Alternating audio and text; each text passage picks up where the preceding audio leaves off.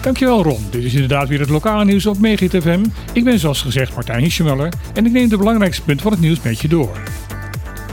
De gevolgen van het noodweer in de nacht van maandag op dinsdag werkt nog steeds door op het eiland. Een aantal straten zijn nog steeds afgesloten en niet alle huizen die waren ondergelopen zijn weer watervrij. Het ziekenhuis Mariedal heeft alle polyklinische afspraken verschoven. Het ziekenhuis is wel open voor dagbehandeling, operaties en spoedgevallen. De apotheek van het ziekenhuis is wel open, maar er wordt gewaarschuwd dat door wateroverlast de ingang van de apotheek moeilijk bereikbaar is. In een informatieupdate heeft waarnemend gezaghebber Nolly Oliane gezegd dat de scholen en kinderopvang vandaag weer geopend zijn. Het postkantoor en het douanekantoor zijn gesloten. Oliane vertelde ook dat de lokale overheid in gesprek zal gaan met het ministerie van Infrastructuur en Waterstaat om tot een structurele aanpak te komen voor het probleem van het wateroverlast op het eiland. Verder deed hij een oproep aan alle weggebruikers om voorzichtig te rijden. Door de waterstromen ligt er veel rommel op straat, vaak verborgen onder het water. Dit kan tot gevaarlijke situaties leiden als daar te hard overheen gereden wordt.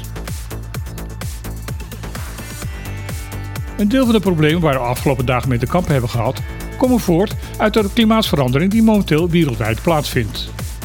Het is ook bekend dat dit voor Bonaire vergaande consequenties zal hebben. Na het onderzoek dat in opdracht van Greenpeace is uitgevoerd, komt daar steeds meer aandacht voor.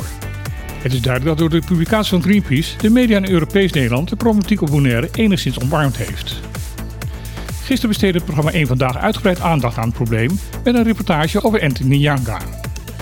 Als vertegenwoordiger van de jongeren in Caribisch Nederland behoort hij tot de delegatie die Nederland vertegenwoordigt op de klimaattop in Egypte. Hij zal aandacht vragen voor het probleem dat een groot deel van Bonaire onder water zal verdwijnen als de opwarming van de aarde niet drastisch gaat worden afgeremd. En als raadlid deze koffie heeft gezegd trots te zijn op Yanga. Ze vindt dat jongeren, zeker in deze kwestie, meer ruimte moeten gaan krijgen om een visie hierover te kunnen geven. Per slotverrekening gaat het om hun toekomst. Het ministerie van Binnenlandse Zaken en Koninkrijksrelaties wil dat vanaf 2030 de digitalisatie van Caribisch Nederland op gelijke voet staat met Europees Nederland. Dat staat in een informatieplan dat het ministerie naar de Tweede Kamer heeft gestuurd.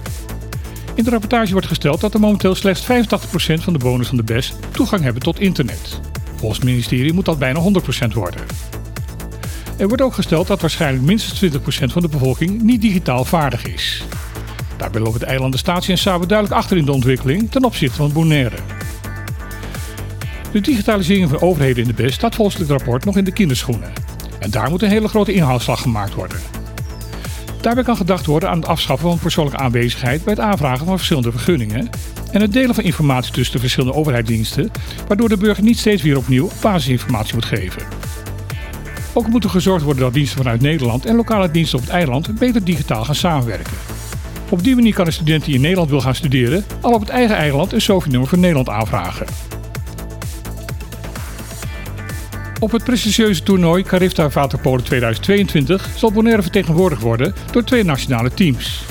Aan het toernooi doen 24 teams mee uit de Cariben en de Verenigde Staten. Bonaire zal deelnemen in de categorieën U14 gemengd en U16 jongens. De jongeren willen via deze weg iedereen bedanken die zijn of haar auto door de waterpolo's heeft laten schoonmaken. Mede door deze geslaagde fundraising is de uitzending van de teams mogelijk geworden. Dat was weer het lokale nieuws op Meer GTFM. Ik wens je nog een hele mooie dag en veel plezier bij de lunchcorner met Ron Gijssen. Ik spreek je graag dan morgen weer.